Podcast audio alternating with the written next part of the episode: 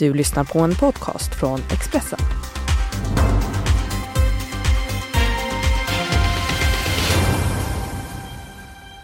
USA har fått sin eh, första öppet homosexuella presidentkandidat. I England har en ny prins sett dagens ljus och här i Sverige har vi välsignats med ett nytt språkrör. Politikpodden är tillbaka, idag med mig Malin Ros vid mickarna tillsammans med Karin Olsson, kulturchef på Expressen. Välkommen Karin! Tack så mycket! Och Patrik Kronqvist, biträdande politisk redaktör på Expressen. Hej Patrik! Hej hej! Expressen som för övrigt var det rikstäckande medium som levererade mest politik i sin journalistik inför valet. Detta enligt medievalsundersökningen 2018. Men nu är vi inte DN, så det behöver vi inte stå här och slå oss på bröstet för. Vi ska istället direkt idag börja långt, långt ner i jorden, där solen inte längre skiner. Vi ska ta oss till Miljöpartiets kongress i Örebro. Jag skulle vilja be er att börja med att ta ett djupt andetag. Det andetaget fick ni från växterna på våran jord.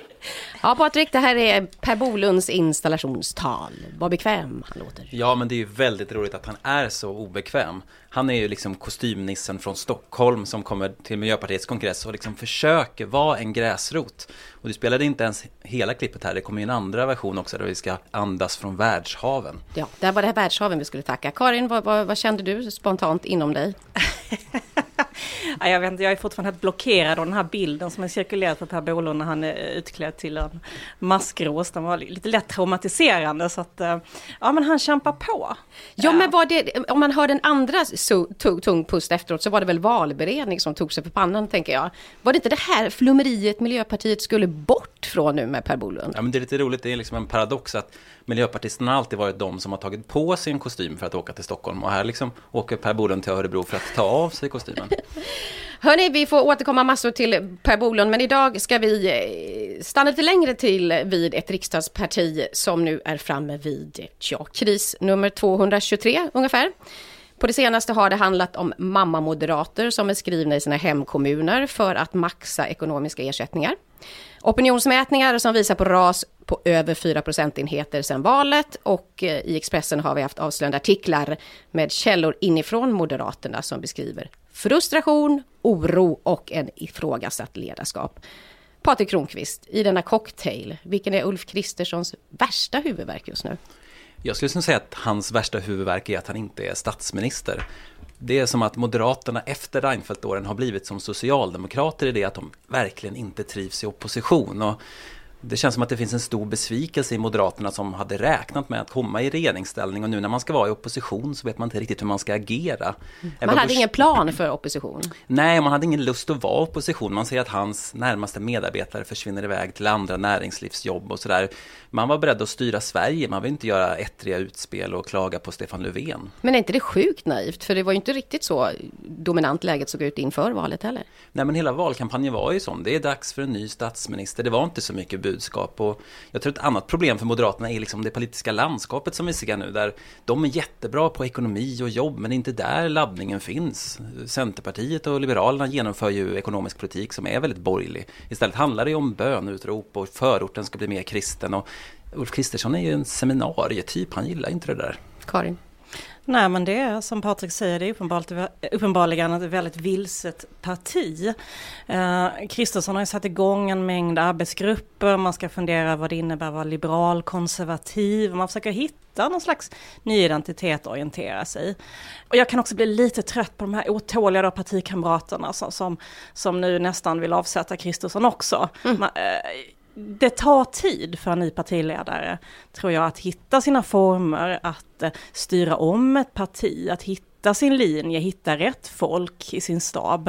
Eh, jag menar, Moderaterna var också väldigt otåliga med Anna Kinberg Batra.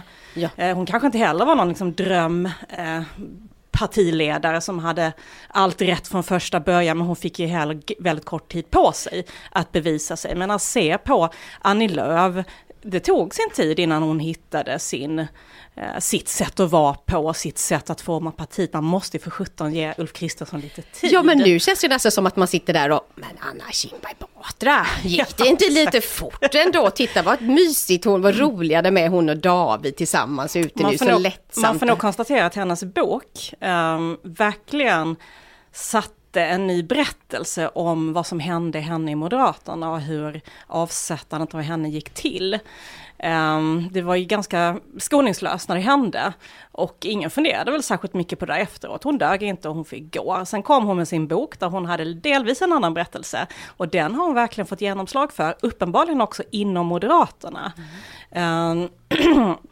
Där jag tror det var Torbjörn Nilsson som skrev i Expressen att, att inne i Moderaterna finns det ju de nu som tycker att ja, men hon behandlades ganska dåligt. Mm.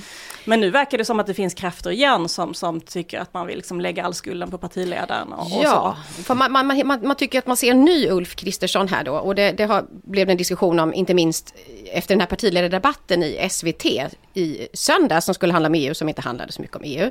Men vi kan, vi kan bara lyssna lite grann hur det lät där när, när Ulf Kristersson fick ordet. Ulf Kristersson. Säger statsministern som systematiskt tvingas göra sånt han egentligen hatar. Tänk om vi hade tagit bort värnskatten. Ett sånt illvrål det hade blivit från socialdemokratin. Det här är ju patetiskt. Ja, arg och ansatt och, och lite labil. Han har väl fått höra lite allt möjligt efter den där debatten, Patrik. Ja, men jag tror att uh, han har pushats fram till att vara lite mer aggressiv och våga gå till attack mot Löfven. Men det skorrar ju lite falskt det här.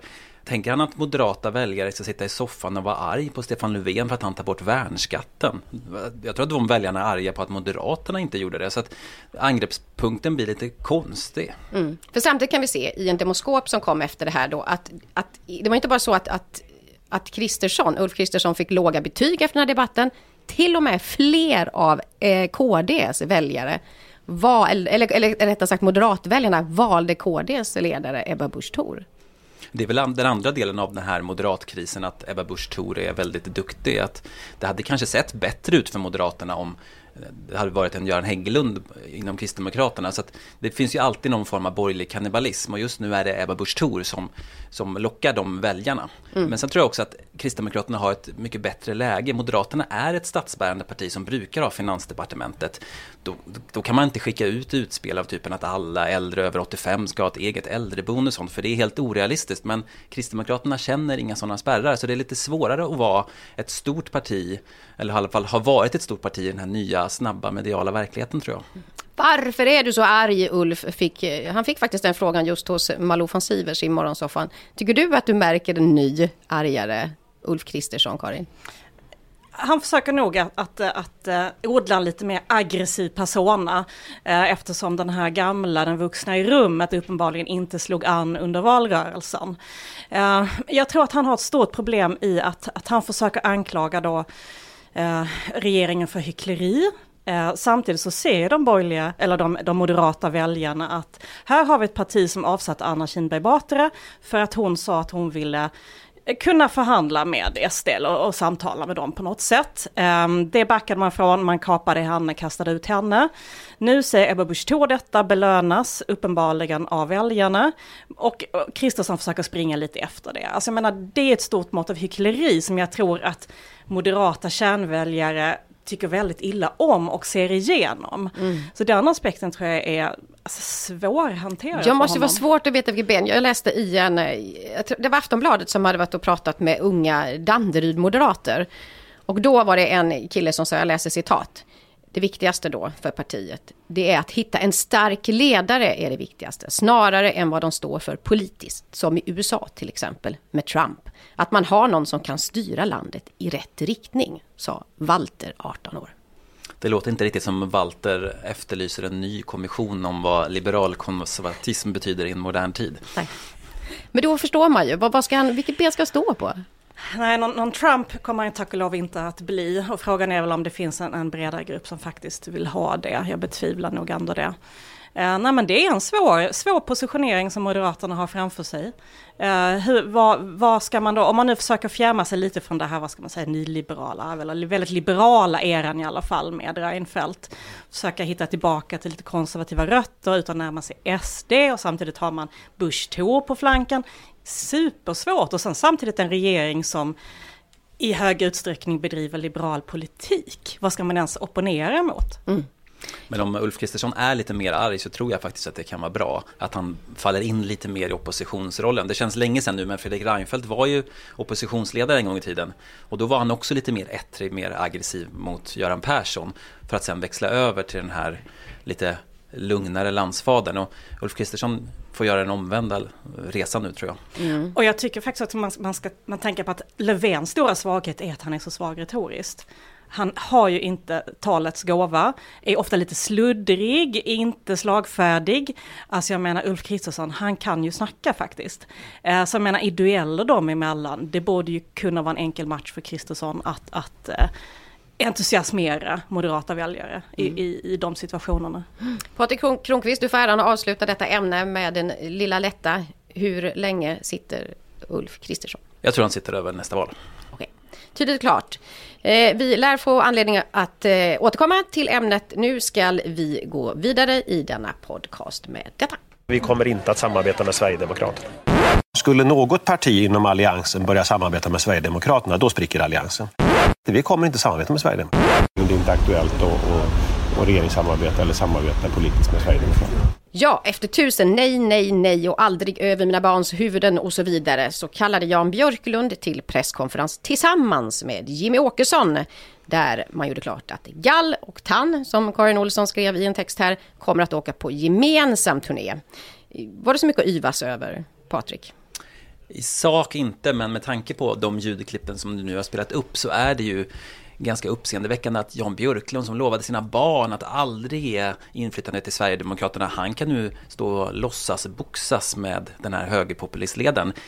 Jag tror inte att det är något speciellt smart drag om man vill locka väljare som verkligen ogillar Sverigedemokraterna. Mm, man har hört från båda kanter egentligen, från det, det mest obegripliga Jan Björklund har gjort till chilla, det är inte precis så att de ska ingå äktenskap de här två. Karin Olsson, du la den någonstans lite, lite mitt emellan och konstaterade i din text att eh, de här två partiledarna egentligen är ganska lika och att eh, Åkesson hade kunnat bli en typisk folkpartist. Jag reflekterar, det är klart att det är sensationellt att, att Liberalerna kallar till presskonferens tillsammans med Sverigedemokraterna. Frivilligt ställer sig på samma scen och, och, och under en sån uppsluppna form presenterar den här turnén. Det är ju var ju extremt oväntat får man säga, men den reflektionen jag gjorde var ju att de som personer liksom har lite likartat ursprung, båda kommer från en arbetarklass, um, Båda uppenbarligen begåvade, väldigt långlivade, manliga partiledare. Småstäder. Småstäder, man hör var de kommer ifrån när de pratar. Um, jag menar Jimmy Åkesson, han är ju välutbildad från Lunds universitet, egentligen liksom en typisk profil för en, någon som röstar på Liberalerna, liksom den här klassresenären som har studerat sig till en, erövrat en ny position genom akademiska studier och så, och så vidare. Nu är de ju extremt olika. Mm. För Björklund äh, pratar ju ofta om sin klassresa som, som någonting fint, medan man tänker ju att Jimmy Åkesson, att han inte gör det måste ju vara rent taktik. Han vill väl inte av sina uppfatta, eller väljare uppfattas som att han är någon som skulle stå högre. Nej, han tvärtom. Eh, när han väl pratar om det här ämnet så är det ju snarare att han, han beklagar förlusten över den plats han har lämnat. Han pratar längtansfullt om sina, sin pappa och eh, syskon som jobbar som hantverkare. De, kan, de, de, kan bygga ett badrum och ta en bild på det och vara stolta, sa han i, i Aftonbladet. Och han också vid andra tillfällen beklagat att han inte kan göra något med händerna. Att han egentligen inte kan någonting. Och det är liksom typiskt arbetarklassperspektivet, det som man inte gör med händerna inte på riktigt. Mm. Alltså i Stockholm så eh, de springer runt och gör konsultuppdrag åt varandra. De de, bidrar inte med något värdeskapande. Nej, och an, anlita hantverkare för att ta hand om de skitiga rören. Ja, men exakt. Så att han... Ja, men då slogs jag av att jag tror att det här är en viktig faktor till SDs attraktivitet eh, i den vita arbetarklassen. Att här blir man liksom bekräftad i sin identitet. Man måste inte flytta till en annan stad, man måste inte utbilda sig på ett universitet, man måste inte bryta massa normer. Och man kan vara där man är, göra ett hederligt arbete, eh, ta hand om sin familj. Att, att väljarna känner sig bekräftade i sin identitet. Och då refererar jag till en väldigt intressant artikel i tidningen Respons av en professor som heter Lukas Gottsén, där mm. han menar att det kanske inte alls är identitetspolitikens fel att sossarna tappar i arbetarklassen. Man säger ofta att ja, men det är hbtq och feminism och så håller man inte på med någon ekonomisk politik. Det är detta som Daniel Suhonen alltid återkommer till till exempel. Eh, utan att istället har saknats en, en identitetspolitik för arbetare. Det är kanske det som saknas. Mm. Jag tror faktiskt att det här är genuint. Om man, man pratar ju ofta om att de genuina folkrörelserna har försvunnit men i södra Sverige så tycker man ser att Sverigedemokraterna är på väg att bygga en sån. Jimmy Åkesson kan se lite obekväm ut när han är tryckt in sig i en slips och så men på sommaren när SD har festival i Sölvesborg då står han på scen och spelar. Med uppknäppt skjorta? Ja, Lite mer ja, inte bara skjorta utan eh, t-shirt och keps och ser ut att genuint trivas. Så jag tror inte att det är de påstår här utan faktiskt någonting som är ganska genuint och jag tror att som du är inne på Karin att det kan vara en framgång till en förklaring till den här framgången. Ja, ja. Peter Kadhammar skrev väldigt intressant uh, i valrörelsen. Uh, han var ute och följde uh, Sverigedemokraterna och såg hur, när Jimmie Åkesson talade, ut i, i på små orter. Det kom liksom massa folk som hade åkt dit för att lyssna på honom. Alltså för killar som kom i en hantverkarbil, bara nu ska vi gå och lyssna på Jimmie Åkesson. Eh, så de skulle liksom aldrig ha åkt till ett eh, S-event eller Liberalerna för den delen, utan det finns någonting i deras sätt att arbeta. De är ute. Det såg man också i den här dokumentären ja, med Mattias Karlsson, hur de flänger runt, land och rike runt, sitter i oglamorösa samlingslokaler, tar 10 000 selfies. Alltså de har ju odlat en gräsrosrörelse på nätet under lång, lång tid, men även Eh, alltså ute på fältet. Sen är det väl ingen som tror på riktigt att Jimmy Åkesson efter den politiska karriären kommer bli rörmokare? Nej, det är lite som Lars Ohly att sa att han alltid skulle bli konduktör. Men när han väl slutade så var det inte riktigt lika attraktivt att återgå till Statens järnvägar. Stinsen, Ohly. Ja, vi får väl se hur, hur, hur länge som Fridolin jobbar som lärare. Ja, folkskolläraren Fridolin. Mm. Men om man ska återgå till den här debatt, eh, det här cirkussällskapet eh, Åkesson Eh, och eh, Åkesson och Björklund, LSD-resan som de kallade det på, mm. på Twitter. Att, att det som är bra med det tycker jag, det är att det verkligen är två motpoler som står mot varandra. Att det är väldigt många partier just nu som går till val i EU-valet på att motverka högerpopulismen. Men om man tittar på deras program, Centerpartiet och, Socialdemokraterna, så är de också ganska skeptiska till mycket av EU. Mycket av deras retorik går ut på att mota makt från Bryssel. Men här har vi Liberalerna som verkligen vill ha en europeisk superstat som står mot Sverigedemokraterna som bara högst motvilligt vill att Sverige ska vara med. Så där, där finns det faktiskt eh, en, en riktig konflikt. Och något man ja, jag menar om. det är väl en liberal dygd att vilja debattera med sin meningsmotståndare. Så i sak har jag inga problem med det här upplägget. Det var med att det kom från som en blixt från klar himmel. Och det skårar ganska falskt med tanke på hur de har pratat tidigare. Men härligt elegant Patrik som du tog oss in på, på nästa ämne då som handlar om EU och det stundande valet. Nu är det, nu är det tre veckor kvar bara. Och hur märker vi detta då? Du, vi såg den här SVT-debatten då i, under helgen som ju inte handlar så mycket om, om EU ju. Nej, nästan ingenting alls. Eh, SVT hade stuvat undan de frågorna i den andra timmen. Det är ingenting som hindrar övriga politiker från att ta upp den frågan, men, men man var kvar i den här inrikespolitiska sörjan. Det är som att det har gått 25 år nästan och vi ser fortfarande inte EU som en integrerad del av politiken där vi måste följa förordningarna och där vi måste följa EU-domstolens beslut utan det är, det är en serie beslut som vi kan säga ja eller nej till. Men är det för att, för att vi inte vet vad det är vi säger ja, ja eller nej till? Jag bara tänker på, på om vi ska ta några exempel. KDs Ebba Busch Thor, hon gick härförleden offent, eller offensivt ut ska jag säga med kravet om att EU ska införa säkerhetskrav för kärnkraft. Oj, det hade visst EU haft sedan 1957. Eh, och sen ett nytt utspel om att nu måste vi avbryta medlemskapsförhandlingarna med Turkiet. En liten invändning bara, det har inte varit några förhandlingar med Turkiet, de är frysta sedan 2006. Hur ska väljarna veta vilka frågor vi pratar om när inte ens partiledarna verkar ha koll? Nej, men det här är ju den stora paradoxen tycker jag, att politikerna låtsas som att det här är ett extremt viktigt val. Det här är ett ödesval till och med. Och sen med, med det, de exempel som du ger, men också med de personer som de vill skicka till Bryssel, så är det lite grann av en B-uppsättning faktiskt. De signalerar att det inte är så viktigt. Och jag tror det här är ett allvarligt problem för Sverige. Jag var nere i Bryssel i höstas och träffade en polsk eh, e EU-parlamentariker, Danuta Hubner. Hon har varit undersekreterare i FN och minister och statssekreterare och EU-kommissionär och nu sitter hon i EU-parlamentet. Det är klart att Sverige minskar sitt inflytande i EU om vi inte skickar den typen av personer utan istället skickar personer som inte har fått en plats i den svenska politiken som blev över. Mm. Jag, när jag tittade på Expressens och Dagens Industris eh, gemensamma EU-valsdebatt som sändes då från Bryssel med eh, kandidaterna, alltså, nivån där bland vissa kandidater känns ju jag menar vilken plats skulle de fått på listorna i Sverige? Mm. Uh, det är klart att det finns en utbredd nonchalans inför EU-politiken. Både i partierna och delvis i medierna också. Mm. Men ta bara Moderaterna som rensar sin lista fullständigt. Det är väldigt många år av erfarenhet som har försvunnit där. Eh, man skulle aldrig tänka sig att göra sig likadant inför riksdagen. När vi, skick, vi har inga personer på listan som har, har varit i riksdagen tidigare. Men mm. eh, det här valet är jätteviktigt. Mm. Eh, Sveriges Radio hade i alla fall gjort ett försök i alla fall att eh, intervjua, intervjua nu de här toppkandidaterna och eh, vi har hört Alice Bah Kuhnke då, Miljöpartiets kandidat och eh, du konstaterar efteråt Patrik Kronqvist att det var en avslöjande intervju och stundtals plågsam lyssning. Det var inte så snällt. Nej, det var inte så snällt, men Alice Bah Kuhnke har ju vetat ganska länge att hon kommer bli första namnet för Miljöpartiet och hon har haft väldigt lång tid på sig att läsa på på de här frågorna.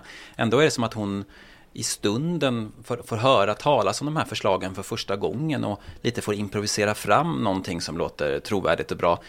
Återigen, det här, det här visar ju att, att det här valet inte är på riktigt, mm -hmm. upplever jag. Karin, det är ju gammal före detta kulturminister vi pratar om här. Hur går det för Alice Bah Kuhnke? Ja, Alice Bah Kuhnkes styrka har väl snarare legat i förmågan att knyta kontakter, bedriva ett visst eh, opinionsarbete, höras och synas mycket. Hon kanske aldrig har varit den här skarpaste sakpolitiska personen och det märks väl ännu tydligare när det, när det handlar om EU-politiken där, där det krävs att man är så oerhört inläst. Mm. Jag kommer ihåg att Marit Paulsson, en, en gammal favorit i, sammanhang. Hon all... Centerpartist, liberal, man vet inte så noga nu för tiden. Hon uh, pratar om jämt så här, åh nu måste jag plugga på. Nu måste jag plugga bara, bara in i husvagnen och plugga. Och det är nog det som gäller om man ska kunna eh, påverka EU och, driva sina frågor, vara enormt insatt. Mm. Hon hade ju också en förmåga, Marit Paulsen, att i en intervju kunna säga att jag vet inte svaret på den frågan, men jag ska läsa på inför omröstningen. Det som gör intervjun med Alice Bah Kuhnke extra plågsam tycker jag är att hon inte erkänner det, utan att hon ja, lite grann låtsas som att hon ändå vet. Mm.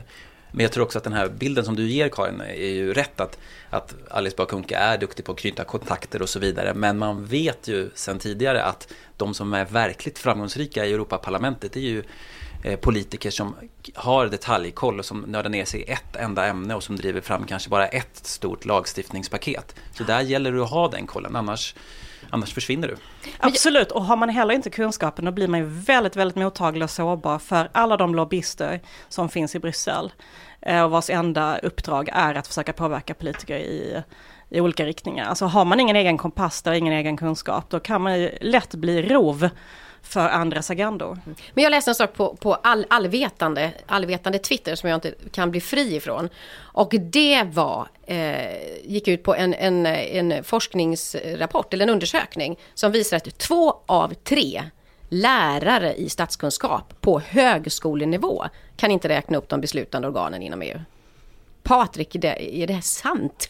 Ja, men jag har sett samma undersökning faktiskt. Det säger ju två saker skulle jag vilja säga. Ett, att EU eh, e inte har speciellt hög status i Sverige. Men det är helt sjukt, ska man få vara lärare ens då tänker jag? Men det säger också ganska mycket om att, att faktiskt EU-systemet är ganska krångligt och det tror jag är en förklaring till att det är så ljum eh, valdebatt det här för att det är svårt att dra upp konfliktlinjerna i ett så snårigt system. Hörni, vi ska återkomma till det också i, i poddar framöver. Men jag tänkte att eftersom vi började detta avsnitt idag med en djupandning tillsammans med Per Bolund så tänkte jag att vi skulle avsluta i lite samma anda. Men då eh, ska vi till Island och en före detta tung politiker som skaldar om våren. Vi har två årstider, vinter och det vi kallar sommar. Och nu är sommaren här. Min isländska vän Ägget, han rider in sin senaste häst. Ett vackert rostfärgat sto med lång blond man. Nu är det sommar förstår du Håkan och det, det firar vi. I Island vet man att det inte finns dåligt väder, bara dåliga kläder. I Sverige slänger vi oss med det uttrycket men har knappast tagit till oss dess innebörd. Det här var bland det roligaste jag har gjort på väldigt länge. Tack för att du ringde. Men jag tycker det är skönt att skriva. Och sen så är det liksom kontrast till den uh, nidbild som sattes som mig politiker att jag var så in i helvete dum i huvudet så jag kunde väl knaska min namnteckning. Så det är ganska skönt att få skriva för det är en bekräftelse på att jag faktiskt har orden och det är skönt. Ja, det här var alltså Håkan Juholt, tidigare partiledare för Socialdemokraterna, idag Sveriges ambassadör i Island och kolumnist i tidningen Östran i Småland, vilket vi fick höra prov på här. Karin Olsson, rostfärgat sto. Ja, Va? men det här var en underbar text. Jag läste den, jag tror att den kom ut, eller började cirkulera i sociala medier i fredags. Så det var som en lite balsam för själen, Mm. eh, väldigt trivsamt. Eh, och jag menar, Juholt har gjort en fantastisk comeback nu som ambassadör på Island. Jag tror att han verkligen kommer till sin rätt Mm. där. Och han, det fanns också ett reportage i Fokus om honom nu i helgen var som visade vilken, eh, vilket arbete han lägger ner. Eh, Ingen tillställning är för liten för att Håkan Juholt ska åka dit och prata om Sverige.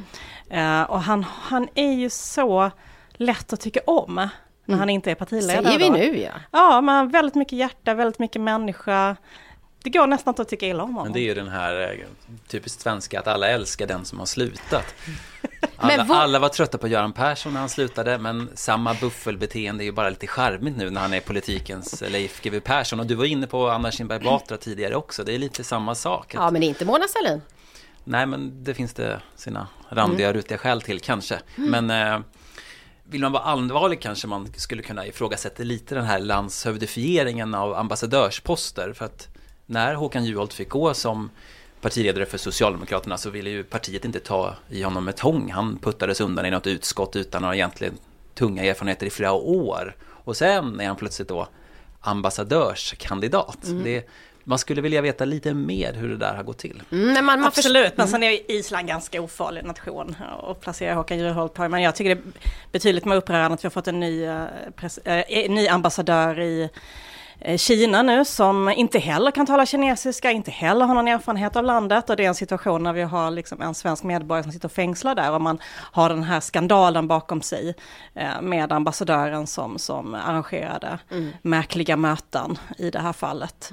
Så jag menar, det, det, finns, det finns mycket att prata om vad gäller ambassadörsutnämningar, men Håkan Juholt kanske inte är den jag bekymrar mig för mest. Men för oss läsare är det underbart om man läser i fokus här också. Han är ju inte speciellt diplomatisk.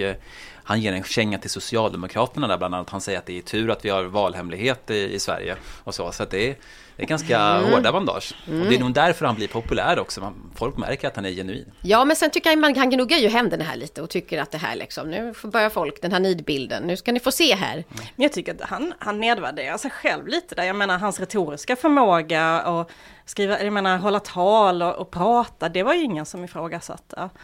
Eh, det var kanske mer att han inte var den slipade taktikern inom S. Men alltså, till sist då, våras det för Håkan Juholt? När får vi se om tillbaka i Sverige och hur långt kan det gå Patrik? Eh, han kommer vara julvärd inom fem år tror jag. Wow! Det får bli slutet idag eh, för denna veckas Politikpodden. Jag säger tack till Patrik Kronqvist och till Karin Olsson som har gästat denna veckan och framförallt en miljon kramar till er som har lyssnat. Hej hej! Du har lyssnat på en podcast från Expressen.